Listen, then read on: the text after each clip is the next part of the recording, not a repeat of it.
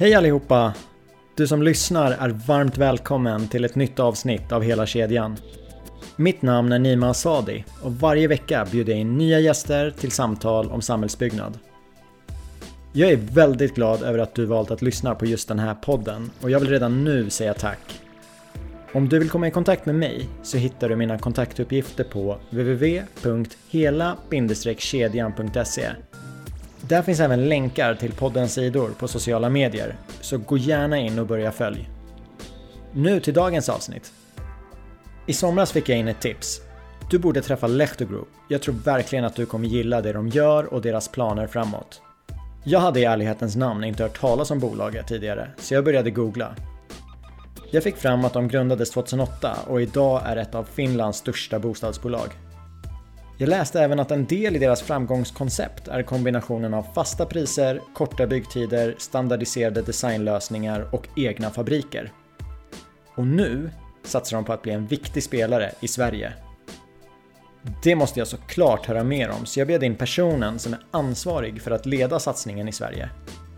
Han har ett imponerande CV med erfarenheter från många olika delar i samhällsbyggnadskedjan. Jag ska inte dra ut på det något mer. Låt mig istället presentera Thomas Perslund.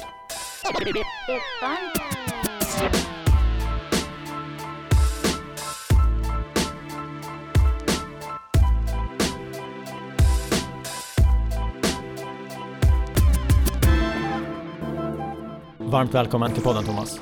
Tusen tack. Vi sitter i Wennergren Center på 23 våningen. Ja.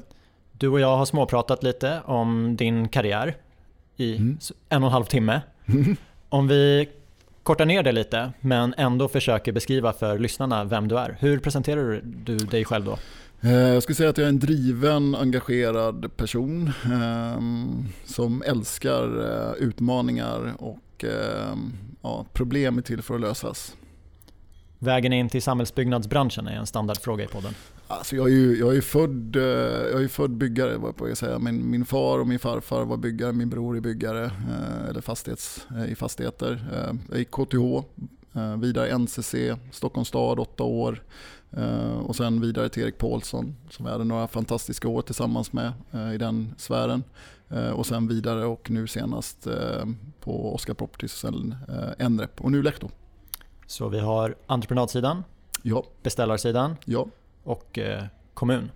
Ja, och förvaltning. Vad ger det dig för fördelar i din roll eh, idag?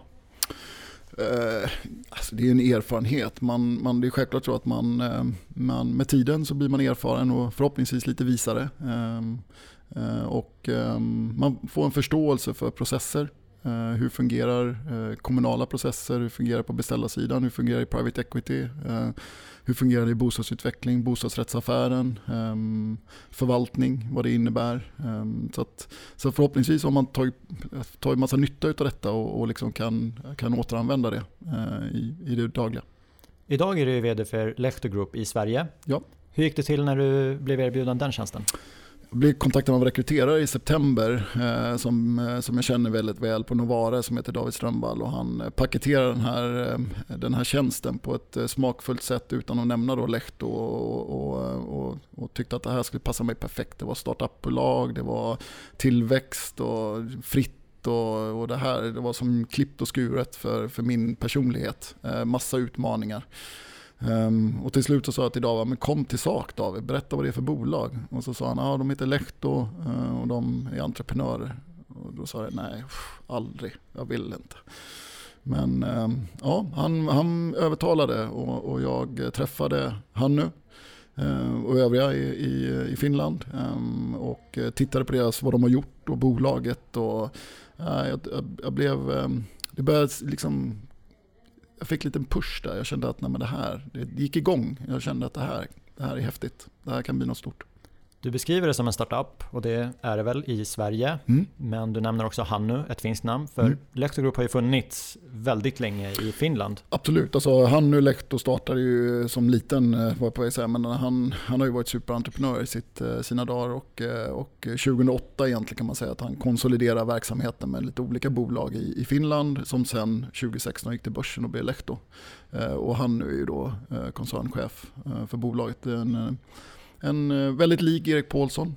Eh, jag, jag, mina bästa tider så, så när jag jobbade med Erik, det var, jag tyckte väldigt mycket om Erik Paulsson. Eh, och det gjorde att det var ganska lätt när, när man träffade han nu, när man kände att det var vilka likheter.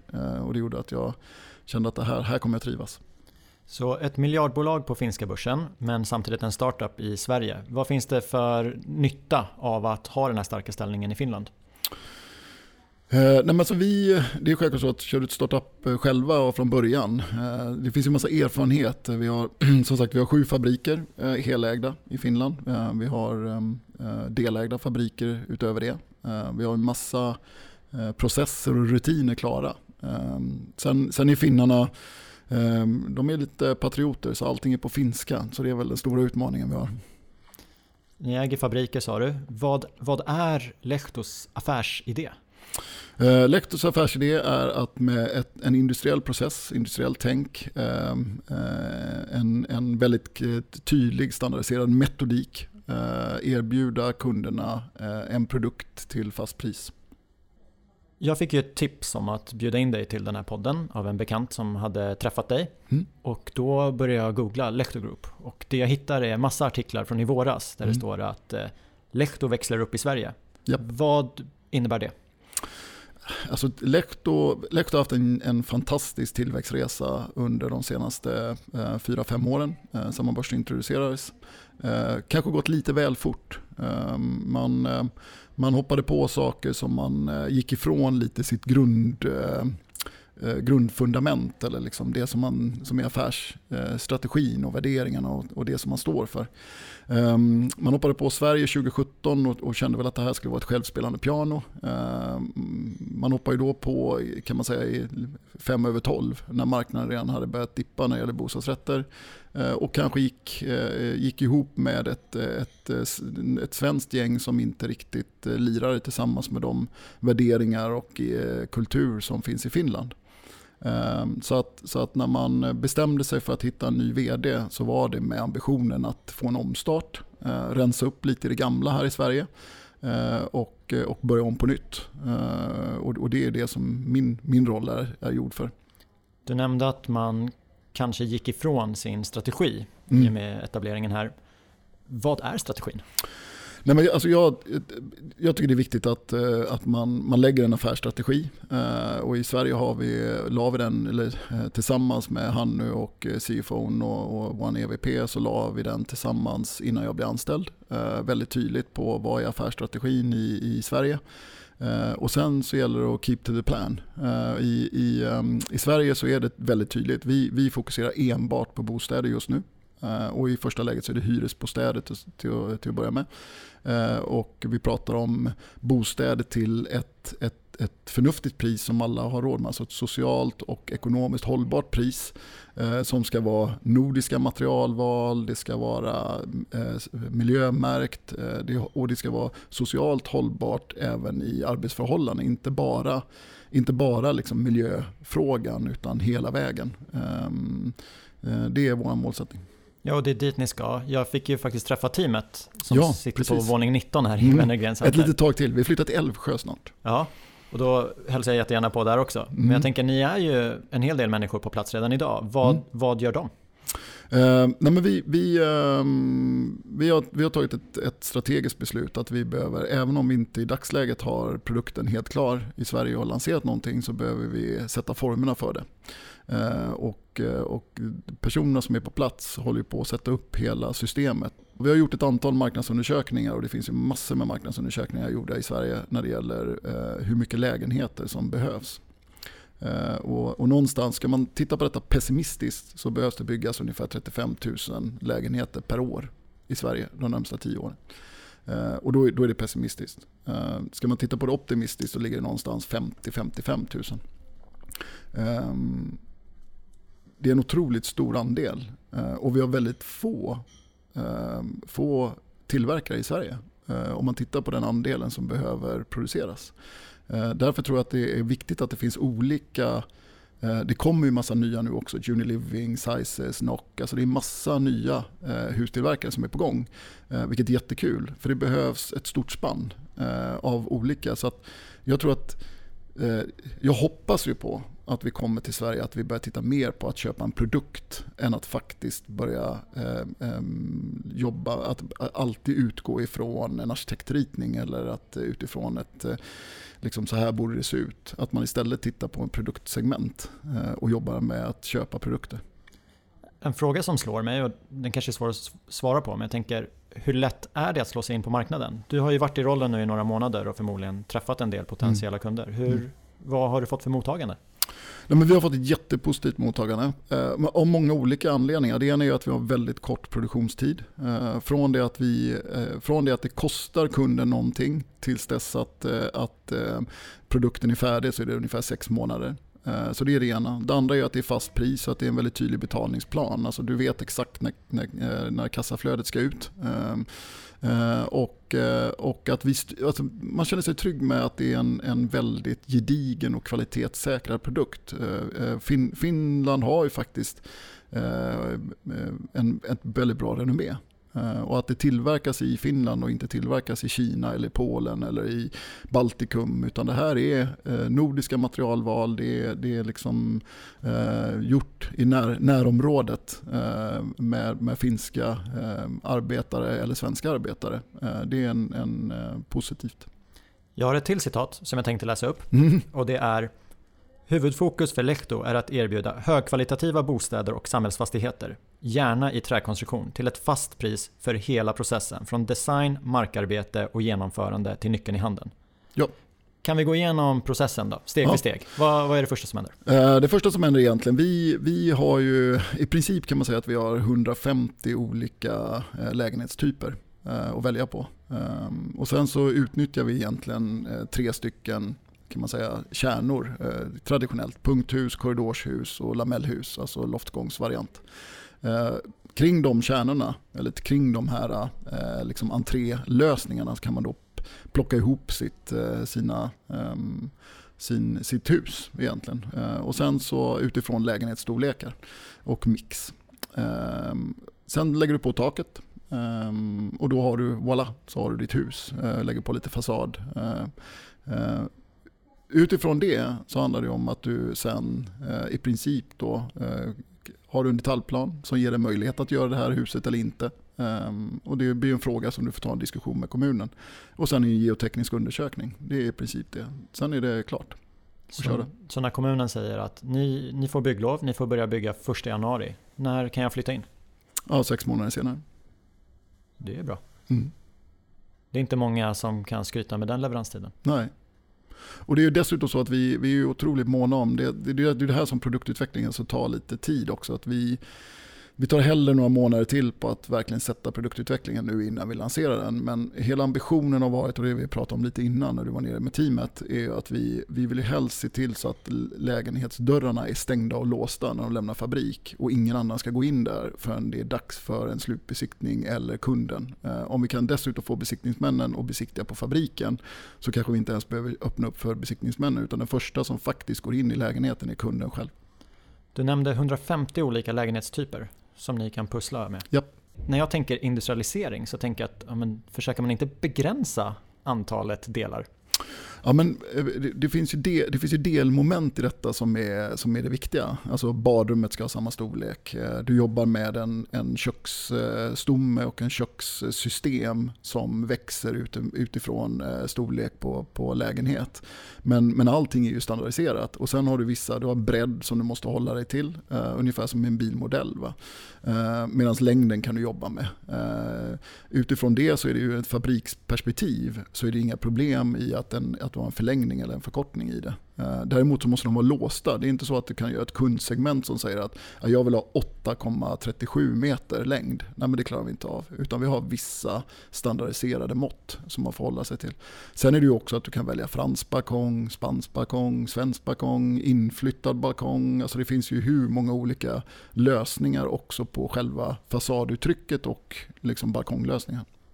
De här volymelementen de produceras i olika fabriker i Finland. Ja. Och kommer till Sverige med båt antar jag? Ja, precis. Om inte, jag skulle säga att norra, norra delen av Sverige så tror jag vi kör lastbilen över gränsen, Haparanda. Ser ni hela Sverige som potentiell marknad? Absolut, samma prisbild oavsett var vi är i Sverige. Alltså jag tror keep it simple, gör det enkelt. Alltså vi måste göra det enkelt för kunden. Eh, det ska vara lätt att göra affärer med oss, det ska vara lätt att ta beslut. Eh, man måste våga säga nej. Vi ska inte in och göra saker där inte vår produkt funkar. Alltså ska det byggas 35 000 lägenheter i Sverige så det handlar inte om att vi ska ta en marknadsandel på 50% utan det handlar om att där våra hus fungerar, där ska, där ska vi finnas som en möjlighet. Ehm, men, men i övrigt så finns det andra tillverkare som kan göra det bättre än oss, där, det, där inte våra hus passar. Ehm, så, att, så att det är lite mycket, det är mer att titta ut ett, ett, ett produktperspektiv.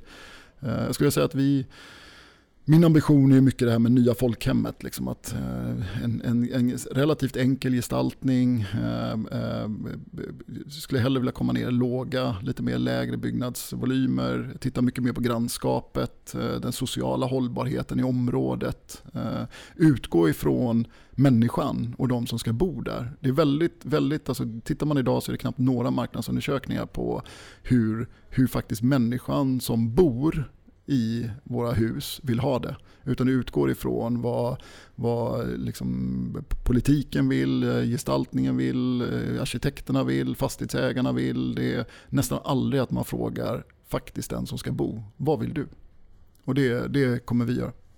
Om vi går tillbaka till det industrialiserade arbetssättet och, mm. och tänket. Så jag tror att det är du som har sagt att Lehto tar det här till en helt ny nivå.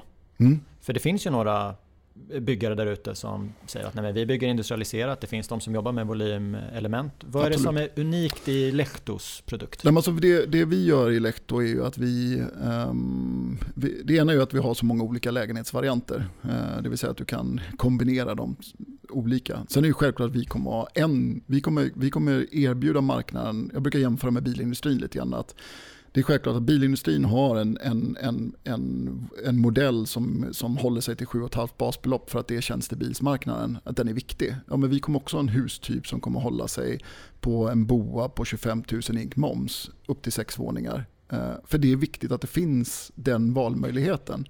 Men det är självklart så att men då är den ju optimerad utifrån effektivisering, eh, allt så som liksom utifrån den fasaden som vi eh, tycker är den mest lämpliga eh, och våran design på den. Vill kunden sen ändra på den, då blir det tillval. Vill du ha solceller, vill du ha något annat, ja, men då, då förändras prisbilden. Eh, det är ju en del att vi har så många olika möjligheter.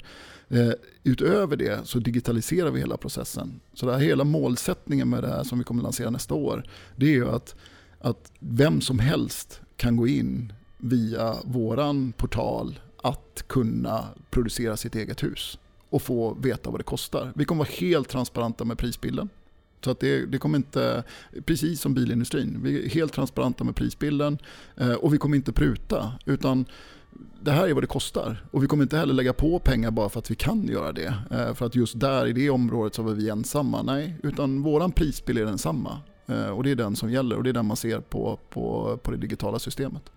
Hur långt bort är det att kunderna ska kunna gå in i ett digitalt system och sätta ihop sin lägenhet? Ja, den, den tekniska plattformen är klar. Eh, eh, vi, har, vi, vi kommer jobba eh, fram till jag skulle säga, mitten på nästa år med att, eh, att få, liksom, eh, få en användarvänlig. Det är ju den stora utmaningen. Det är att det ska vara användarvänligt eh, där du i princip bygger med legoklossar. Ta, ta Minecraft och så gör du det till och lägger du in Lectos produkter och så kommer du kunna bygga ditt, ditt hus egentligen som en legoklossar och få fram exakt vad det kostar på varenda krona.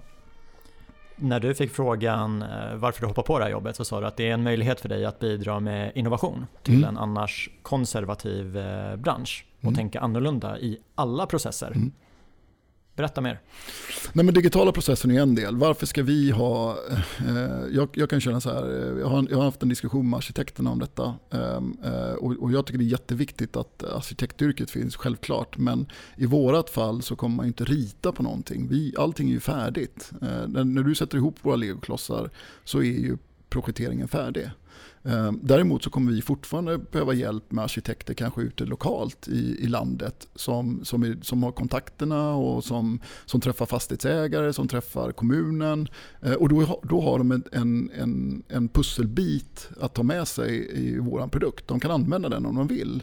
Men de behöver inte rita någonting. Ehm, utan där får man hitta en provisionslösning istället där de blir återförsäljare till vår produkt. Det innebär inte att rita men ibland så vill kunden kanske inte ha ett arkitektritat hus hus. Utan de vill ha någonting som de vet vad det kostar. Och då finns vi som ett alternativ. Så jag skulle säga att vi är ett alternativ i detta. Det är ju en del i detta, att det är ett helt annat mindset, ett helt annat tänk. Eh, det andra är ju att det rent krasst är fast pris. Alltså med kort ledtid, de här sex månaderna. Det är ju liksom ingen som, som hanterar det på det sättet på svenska marknaden. Jag tror att det kommer komma mycket mer. Eh, jag tror också att eh, en annan del i detta är att vi har ett produkttänk. Eh, jag stod inför ett gäng i Finland och pratade om eh, investerare ehm, i Helsingfors för några månader sedan. Eh, och om man utgår ifrån, om man utgår ifrån att, att en bostad är en konsumentprodukt om man anser det, då är bostaden den enda produkten i hela världen som inte du köper som en produkt. Utan att du, det är ungefär som att du skulle köpa din mobiltelefon och säga oh jag behöver köpa en mobiltelefon. Okej, okay, hur gör jag det? Ja, jag kontaktar en industriell designer som ritar hur jag tycker att den ska se ut. Sen behöver du hitta någon som ska konstruera allt innanmäte i telefonen. Sen ska du hitta någon som fabrik som tillverkar din telefon. Uh, utifrån precis de måtten som du vill ha den. Uh, uh, och, och, och det är självklart att den blir dyr. Men så, jobbar ju, så gör du ju inte idag. Utan du går in och tittar, okay, vilka märken finns det? Ja, det finns 17 olika märken på mobiltelefoner. Och så går du in och tittar på vilka du vill ha. Eh, och så tittar du på priset och så ser du, okay, vad har jag råd med, vad har jag inte råd med? Ja, jag, det räcker med en, en billigare mobiltelefon för det ändamålet som jag har just nu. Nej, jag vill ha den finaste, finaste. Liksom. Eh, och, men så är det inte på bostäder. Eh, utan, och det är det jag menar, man utgår inte från konsumenten, man utgår ifrån något annat. Eh, och det, och det är annat, det kan vara allt ifrån att du har lokalpolitiker eh, eller, eller politiska eh, delar, tjänstemän som vill, som vill styra processen, du har arkitekter som vill styra processen, man tycker saker är fult eller snyggt, det är väldigt subjektivt. Vad är snyggt, vad är fult? Ehm, jag, jag, tror att man, jag tror att vi behöver liksom utgå mycket mer från den som faktiskt eh, är och bor i lägenheterna. För det är de någonstans vi gör detta för. Eh, och de har vi tappat bort i den här resan. Eh, och den hoppas jag att vi ska kunna komma tillbaka till. Och om vi kan gå så långt så att vi kan lägga ehm, hyreskalkyler på en hemsida där, där våra alltså kunder som bor i hyres, hyreslägenheter i princip kan slå in eh, hyresnivå och, liksom, och se vad de skulle kunna få för någon boende med en hyresnivå utifrån en viss direktavkastning. Eh, ja, men då kanske vi kan bidra till ett mer so socialt hållbart del. Men hur kommer man åt det? För jag tänker om vi ska bygga ett sexvåningshus med fem lägenheter per plan. Det är ju 30 mm. lägenheter. Mm. Ofta är ju byggarens kund är ju fastighetsägaren. Precis. Det är inte de som ska bo där. Absolut. Men hur, hur ska man få in de som ska bo där. Och med en byggtid på sex månader så är det väl väldigt mycket som ska bestämmas innan ni sätter spaden i backen? Nej, men vi låser ju, vi, alltså fördelen med vår produkt är ju att vi låser ju allting. Du har, eh, sen nu i första läget när vi levererar, vi kommer leverera en första produkt eh, nu i någonstans här i höst där vi, där vi erbjuder marknaden. Den kommer vara ganska styrd, eh, där vi också styr eh, tillval i lägenheterna, alltså golv och, och kök och etc. Lite grann på samma sätt som vi gjorde på Oscar Properties. Ehm, så den, den kommer vi göra i, i, ehm, i de första produkterna. Men längre fram så kommer du ha, i Finland så har man ju möjlighet att välja alltså köksluckor och olika golv och, och så. Men i första läget så kommer vi låsa produkten ganska mycket i Sverige. Vad innebär det här för din organisation? För jag tänker med det här datoriserade systemet. Det är inte säkert att ni behöver ha kalkylatorer på samma sätt. Ja, hur, hur, hur skiljer sig er organisation mot en traditionell byggare? Uh, vi, vi bygger upp en organisation utifrån kompetens. Uh, vi kommer inte ha några mellanchefer. Ehm, utan vi jobbar med kompetensbaserat anställningar och ledarskap. Vi, eh, Eh, I princip så rapporterar ju man, man, man, man har olika, grupps, man jobbar, olika grupptillhörigheter under olika tider på året beroende på vad det är för olika, eh, vad vi jobbar med. Eh, och utifrån din kompetens så utvecklas du. Eh, vi, målsättningen med detta är ju att hålla ner en väldigt låg central administration. Det är ju egentligen för att kunna kapa kostnader. Eh, det är ju en del i att försöka hålla en hållbar lönsamhet. Eh, och kan vi standardisera väldigt mycket eh, från början så att du har låst väldigt mycket, då, då, då kan du få ner antalet personer drastiskt faktiskt. När du beskriver produkten så känner jag att den lämpar sig väldigt väl för att man i, i egen regi ska köpa fastigheter, utveckla och bygga. Yes. Så då kanske ni ska ha en sån organisation också. Och hur skulle den projektutvecklingsorganisationen, hur skiljer den sig från en traditionell? Behövs sälj och marknad på samma sätt? Förstår du lite vart jag vill komma? Ja, i Finland har vi en digital produkt på det också. Eh, det är två olika digitala produkter för mig. En är ju den digitala produkten för att, eh, för att i princip skapa huset. Eh, antingen som en hyreskåk eller som en ägarlägenhet eller en bostadsrätt. Och det är en digital produkt. Den andra digitala produkten är ju den som är mot konsument direkt som ska köpa. Om det är en bostadsrätt eller äganderätt.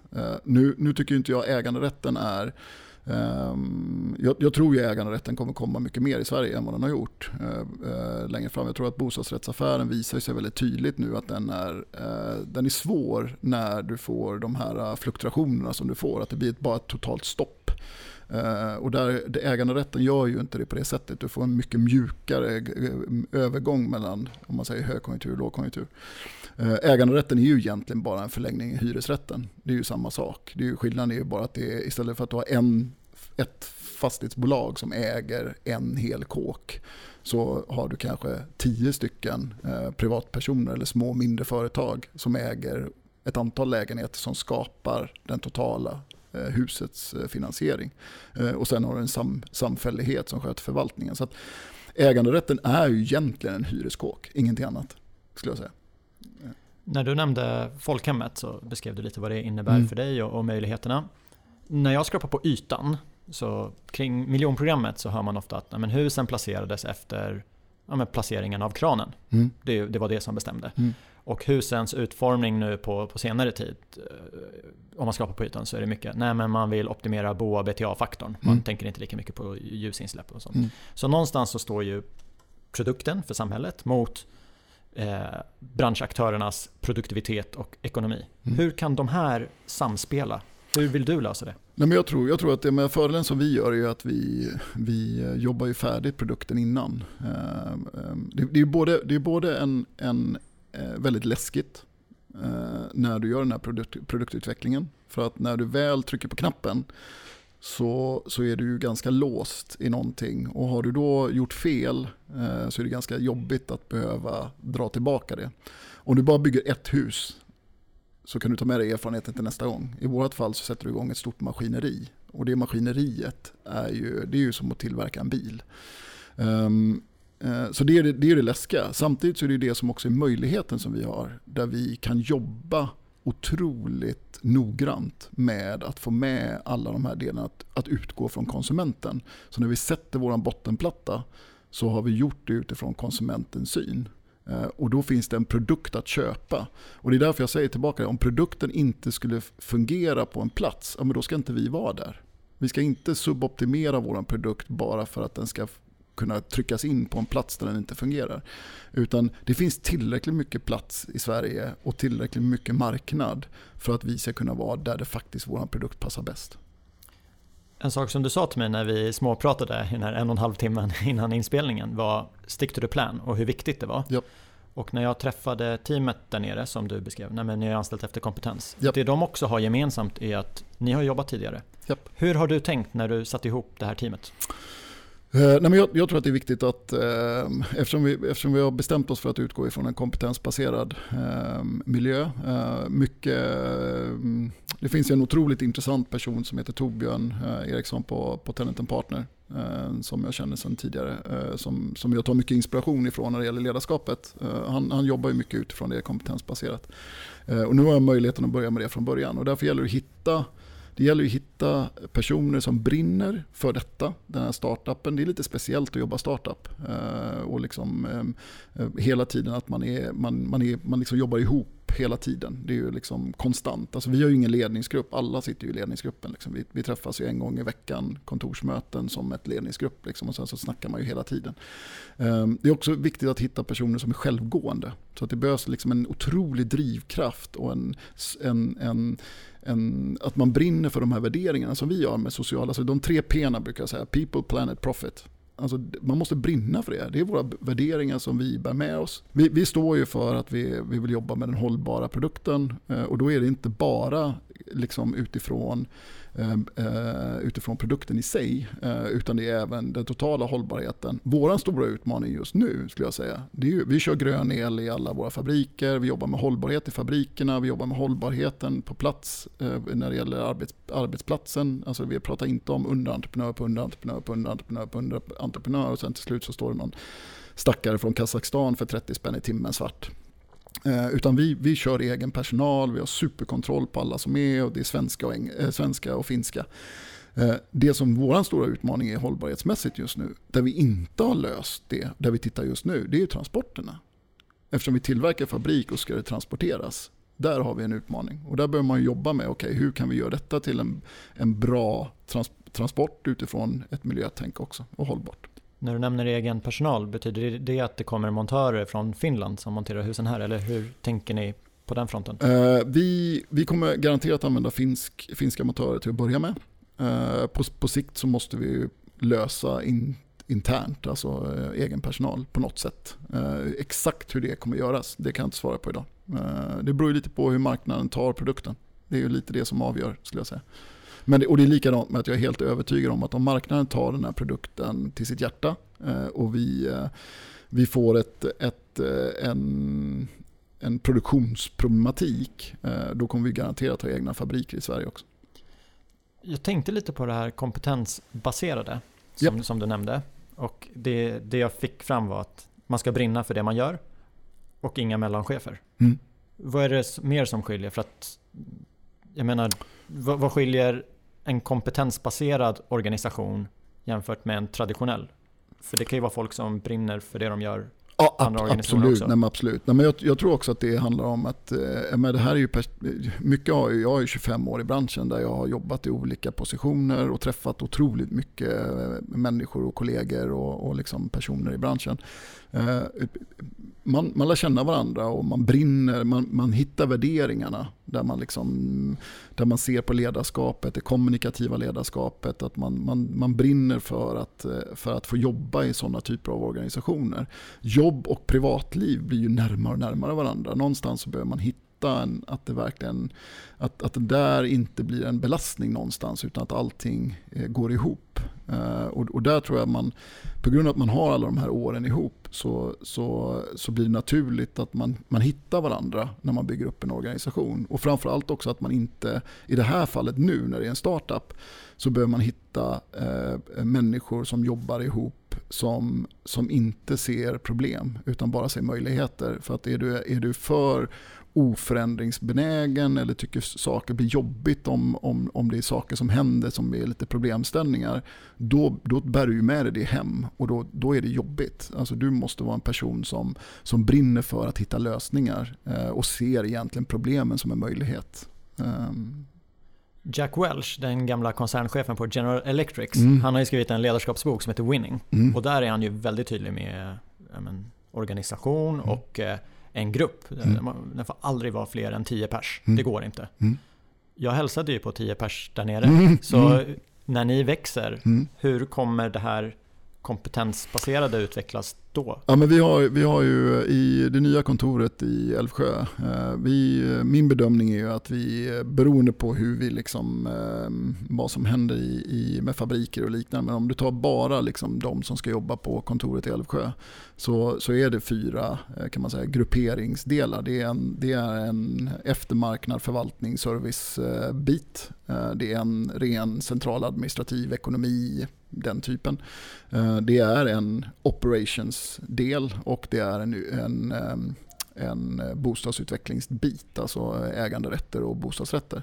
Eh, och, och där är det ungefär tio varje. Så att, han har nog mycket rätt i det. Men det är fortfarande inte så att du har någon, någon chef över den, utan det är en kompetensbaserad. Du, du jobbar med kompetensen utifrån en utvecklingsportfölj och jobbar med utveckling. Men det innebär inte att du har någon utvecklingschef som sitter där. Ehm, jag tror att, jag tror att generationer, jag, en, en sån där person som jag tycker du borde ta med dig och, och, och prata med i ett sånt här program eh, är Katarina Graffman.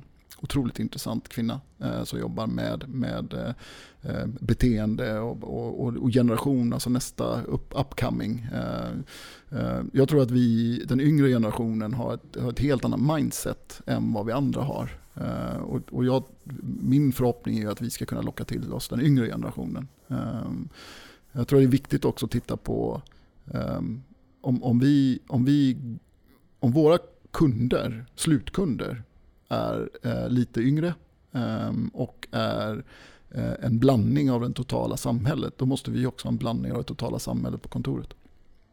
Det är en utmaning branschen har generellt, att mm. den inte riktigt speglar samhället. Mm. Hur, eh, hur löser vi det?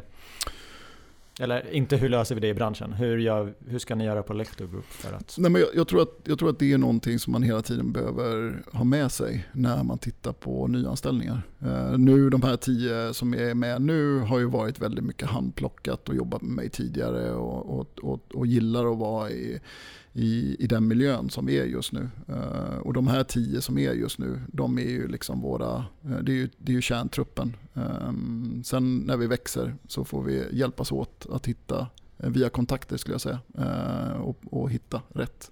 Jag är inte så mycket för att använda rekryterare i det läget utan mer handlar om att vi tio som är den här kärntruppen hjälps åt och att vi tillsammans gör det. Ett till citat om dig mm. som jag hittade.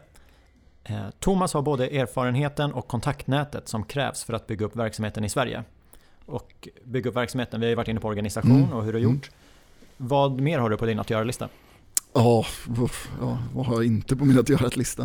Uh, nej men alltså jag är ju jag är otroligt, uh, jag tror, otroligt nyfiken och uh, tycker det ska bli jättekul nu när vi får lansera vår produkt. Uh, och, och det, det kommer ju ta en, en ny fas. Eh, när vi gör det. Eh, och då kommer det bli, för min del, kommer det bli mycket mer att vara utåtriktad. Eh, än så länge har vi varit väldigt mycket fokus på eh, inhouse och rensa i, i, gamla projekt och sånt som vi har behövt att rensa upp i. Eh, men då blir det mer utåtriktat. Eh, så det kommer vara på min att göra-lista. Vara mer synlig tror jag. Synlig för vilka då? Nå, ta debatten. Uh, lite grann så behöver vi ta en debatt uh, i, i media, både utifrån investeringsstöd som jag tycker är helt galet. Våga stå upp för någonting, um, jobba med, med kommunerna utifrån detaljplanerna. Ursäkta detaljplanerna. Eh, vi, vi, vi, behöver, kommunerna måste, ta det på villatomter, så är det ju i princip alla detaljplaner i Sverige idag på villatomter. Då är det, då är det en rättighet att få bygga någonting och så är det styrt utifrån ett visst antal BTA eller liksom, och, och NOC och, och ja, volymmässigt. Men, men, och sen är det ett bygglov du söker på den gestaltningen som du själv bygger. Det är inte så konstigt att det finns massor med hustillverkare som, som gör industriellt hustillverkare på villasegmentet. Men så ser det inte ut på flerbostadshusen. Så att någonstans så behöver vi jobba utifrån detaljplanerna, få politiken att förstå att det går att bygga eh, prisvärt, eh, hållbart, miljövänligt utifrån eh, den, det, det, som vi har idag. Men man behöver korta ner processerna, man behöver göra det enklare och man behöver se över detaljplaneresan. Söker man på bostadspolitik på Twitter exempelvis yep. så ja, men det är ju minst två läger. Mm investeringsstödet, det är mm. en av sakerna som diskuteras. Mm. En annan är ju kreditrestriktionerna. Mm. Vad tycker du? Um, oj. Um, jättesvår fråga. Um, alltså så här, jag, jag, tror att man, jag tror det är bra med kreditrestriktioner. Eh, jag, jag, tror att det, det, är ohållbart i samhället om, om vi bygger upp för stor liksom, eh, skuld, skuldbörda för en gemene man. Eh, så, så någon form av kreditstyrning behöver du göra. Eh, däremot så tror jag du behöver hitta lättnader för ungdomar. Eh, alltså du behöver hitta eh, sociala banklån för ungdomar på något sätt. Du behöver hitta ett annat system så att, så att ungdomarna kommer ut på, på arbetsmarknaden eller på bostadsmarknaden. Där, där, tror jag man behöver hitta en, en annan typ av kreditstyrning. Sen, sen, tror jag ändå att kreditstyrningen i sig inte är jag kan ju tycka att ränteavdraget är kast, jag förstår inte det. Um, jag förstår att det nu politiskt inte går att ta bort, men, men varför finns den egentligen? Um, jag förstår när den kom, men, men nu, man borde ha tagit bort den tidigare. Så att, så att jag tycker att det behövs en kreditstyrning, men kanske inte exakt så som den ser ut. Om det är svar på tal. Jo, men jag tycker att du svarar bra på den. Mm. Men jag tänker, det finns ju två läger kring de flesta frågor. Eh, kreditrestriktionerna så finns det ju några som säger nej men vi har det så pass bra i Sverige så det är inga problem att låna 85% av värdet på Mm. bostaden och så finns vi några som säger att det är inte bra att, att ha lån. Mm. Sen ibland kommer man in på diskussionen om att eh, det byggs för dyrt. Mm. Och så är det någon som säger nej det gör det inte alls. När ni ska ge er ut och ta plats i debatten, Mm. vad, vad är det ni kommer fokusera på att driva? Nej, men jag tror att fördelen som vi gör mot, mot andra det är att vi, vi har ju ett fast pris. Det vill säga att vi kommer kunna säga vad det kostar att bygga, punkt slut. Så att, så att kostnaden för bygg kommer inte vara en, en frågeställning. Alltså produktionen och tillverkningen, den vet vi vad den kostar. Sen kommer det in andra aspekter. Det är markförvärv. eh, Det är hur mycket ska fastighetsägaren tjäna i någon form av eh, avkastning. Ehm, eh, Den frågeställningen blir en annan fråga i detta. Eh, Sen tycker jag, jag tycker det är en större fråga, det är hur bankerna resonerar om bostadsrätt och äganderätt. Alltså finansiering av lägenheter. Sen tycker jag i så fall att man ska börja diskutera att eh, idag så pratar man ju om att vi ska inte lägga mer än 30% av vår disponibla inkomst på bostäder. Det är ju någon form av liksom tak i detta. Då är det väl mer en sån debatt man ska ha en diskussion. Är det 30% rätt? Eller skulle vi kunna lägga 40%? Skulle vi egentligen kunna klara oss på 40% istället för 30% på grund av att räntan är så låg? Räntan kommer ju vara låg. Alltså, det går ju liksom inte ens att se framåt när man tror att räntan ska kunna bli hög. Så att någonstans har vi hittat, och det tycker jag också är en ganska spännande diskussion. Va? För att hyresmarknaden har ju alltid varit att en avkastning på en hyresfastighet 5-6% har ju varit lågavkastat. Idag är det en högavkastning. När kommer, och det är ju en orosmoment skulle jag säga, att när kommer det utländska kapitalet komma in som ser att wow, här kan jag köpa paket på en, på en, en avkastning på, på 2-3% eh, eh, så här. Eh, och när vi börjar få det då börjar vi få lite eh, orosmoment utifrån att hålla underhåll och, och, och förvaltning. Då. Där tror jag att äganderätterna är mycket bättre. För har du äganderätterna så är det ju faktiskt så att där har du en samfällighet som sköter underhåll och förvaltning. Det vill säga de som faktiskt har köpt det huset lokalt. Vi har ju en del sociala skillnader i landet. Jag menar, alla tjänar ju inte lika mycket. Mm. Och eh, så tänker jag så här, men en produktionskostnad på 25 000 per boa, ink moms och Mm, mm. lämna över nyckeln. Mm. Med den insyn jag har så är det, det är väldigt bra. Mm.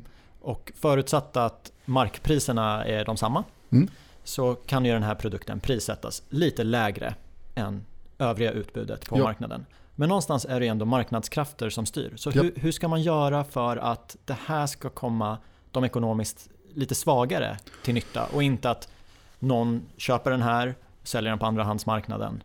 Nej, men, och, det, och det var ju precis det jag sa, att vi, vi, fördelen för vår del är att när det snackas så mycket om att det är byggarna som bygger för dyrt, eh, den tar vi ju bort genom att säga att nej, men vi bygger för det här. Det här kan du köpa produkten för. Eh, kan du dessutom transparent eh, hitta ett, ett, en, en hemsida där du kan gå in själv som konsument och lägga in en hyra utifrån att köpa ett Lehtohus eh, till det här priset.